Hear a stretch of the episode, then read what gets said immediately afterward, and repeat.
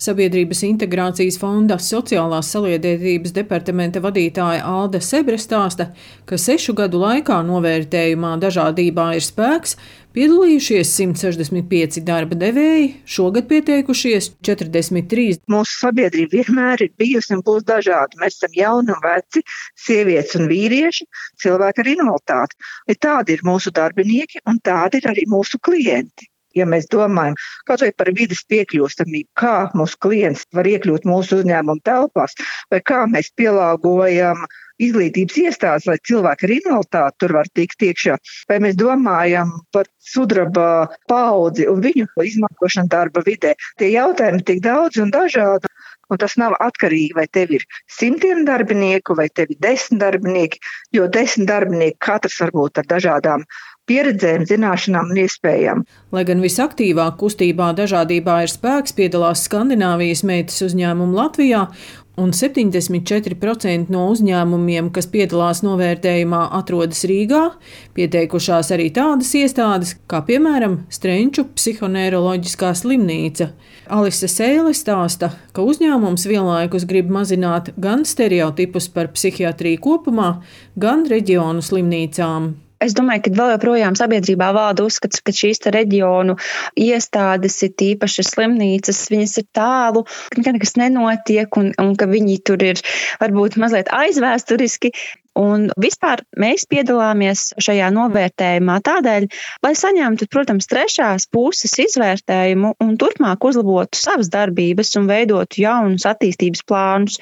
Katru gadu tiek domāts ar vienu jaunu risinājumu veidošanā, piemēram, par pasākumiem, lai mēs integrētu dažādas darbinieku vecuma grupas. Pieņemsim, vienam interesēs tur vairāk kaut kāda aktīvāka atpūta, kas būs varbūt pat jaunāks.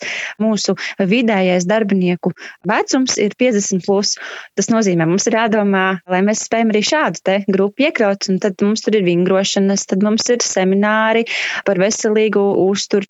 Eksperti ieteica atjaunot ētikas kodeksu, Un otrs ir par vidas pieejamību. Slimnīcā šobrīd mēs ļoti, ļoti aktīvi gaidām šo navigācijas vidas pieejamību un neesam vēl līdz galam arī varbūt atjaunojuši zīmes mūsu teritorijā. Tā kā jā, tās ir tādas lietas arī, ko mēs cenšamies uzlabot. Šogad puse no darba devējiem novērtējumam dažādībā ir spēks pieteikušies pirmo reizi.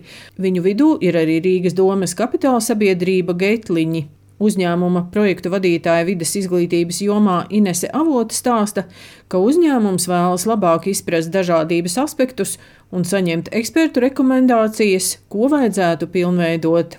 Jā, mums uzņēmumā strādā cilvēki arī ar īpašām vajadzībām. Es domāju, ka tas dod sabiedrībai kopumā, ka ikvienam ir iespējas atrast darbu, nopelnīt sev iztiku, Uzņēmumam ir lepnums un prieks, ka mēs esam fleksibli un mēs esam iekļaujoši.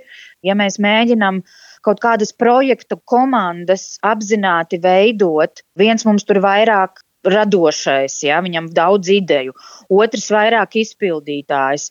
Tad, ja mēs apzināmies arī šīs dažādas cilvēku prasmes un apzināti viņus kombinējam sadarbības projektos, tad tie arī var kļūt nu, veiksmīgāki un uzņēmums iegūst konkurētspējā, peļņā un tam līdzīgi. Tāpēc tā dažādība svarīga arī mums ir. Kādu novērtējumu saņems tie 43 darba devēji, kas šogad piedalījās dažādības novērtējumā, uzzināsim 30. novembrī.